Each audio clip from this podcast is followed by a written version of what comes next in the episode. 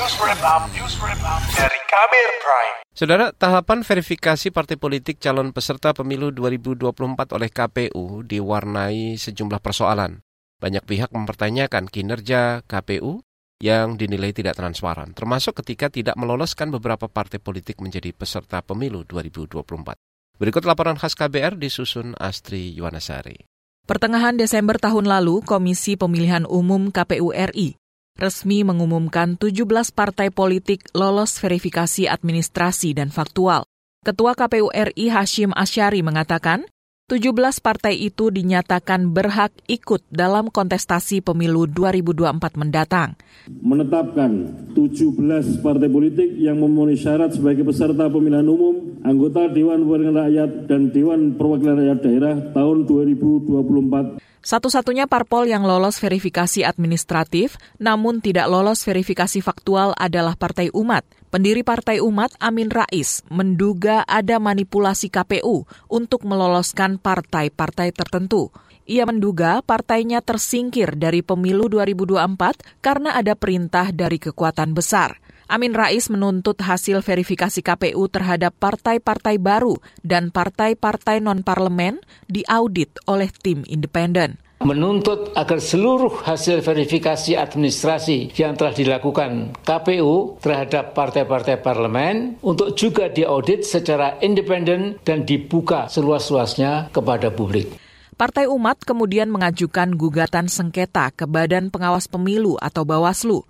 Dalam proses mediasi, Partai Umat dan KPU sepakat untuk mengulang proses verifikasi. Hingga akhirnya pada akhir Desember 2022, KPU menyatakan Partai Umat berhak menjadi peserta pemilu 2024. Ketua KPU Hashim Asyari mengatakan bahwa Partai Umat telah memenuhi syarat dengan lengkap telah dibacakan hasil rekapitulasi hasil verifikasi eh, pasca putusan Bawaslu dan sebagaimana kita ketahui maka statusnya dinyatakan memenuhi syarat. Oleh karena itu selanjutnya sebagaimana tata tertib tadi eh, akan dilakukan penandatanganan berita acara rekapitulasi Selain sengketa Partai Umat, sejumlah anggota KPU daerah juga mengungkap dugaan kecurangan, manipulasi data, dan pelanggaran hukum dalam proses verifikasi faktual partai politik calon peserta pemilu. Pengacara yang mewakili sejumlah anggota KPU daerah, Ibnu Syamsu Hidayat, menyatakan telah mengajukan somasi kepada KPU Pusat. Ia meminta klarifikasi soal temuan berbagai bentuk kecurangan. Salah satunya perubahan status partai yang tidak memenuhi syarat atau TMS menjadi memenuhi syarat dalam proses verifikasi faktual calon peserta pemilu 2024 kami menduga bahwa pasca dilakukan perbaikan, beberapa partai yang kami juga tersebut sebenarnya walaupun dilakukan perbaikan, mereka tetap tidak MS, artinya dilakukan perbaikan maupun tidak dilakukan perbaikan, partai tersebut sebenarnya itu adalah uh, eh, TMS seperti itu. Akan tapi karena perintah dari pusat tadi sehingga menjadi MS, walaupun diperbaikannya tetap sebenarnya harus TMS. Beberapa anggota KPUD menduga ada tiga partai baru yang lolos secara curang. Ketiganya adalah Partai Gelora, Partai Garuda, dan Partai Kebangkitan Nusantara atau PKN.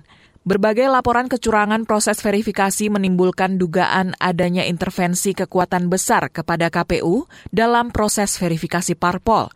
Namun hal ini langsung dibantah oleh Presiden Joko Widodo. Jokowi memastikan lolos atau tidaknya peserta pemilu menjadi kewenangan KPU. Urusannya KPU itu, tapi yang dituduh-tuduh karena tidak lolos langsung tunjuk-tunjuk. Itu istana ikut campur, kekuatan besar ikut campur, kekuatan besar intervensi. Saya itu nggak ngerti apa-apa masalah ini. Ini kan total 100% urusannya KPU, bukan urusan siapa-siapa. KPU itu independen. Jadi nggak bisa yang namanya kita itu ikut-ikutan apalagi. Nggak ada.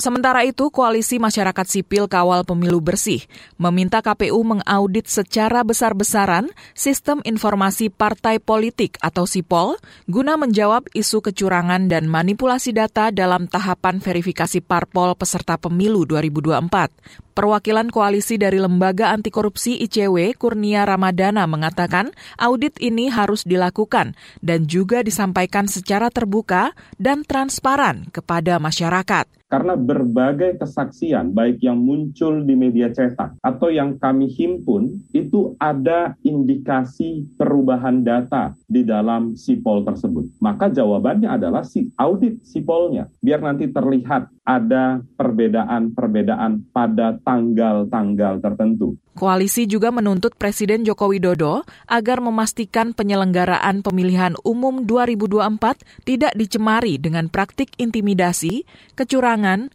koruptif, dan manipulatif. Demikian laporan khas KBR, saya Astri Yuwanasari. Kamu baru saja mendengarkan news wrap up dari KBR Prime. Dengarkan terus kbrprime.id, podcast for curious mind.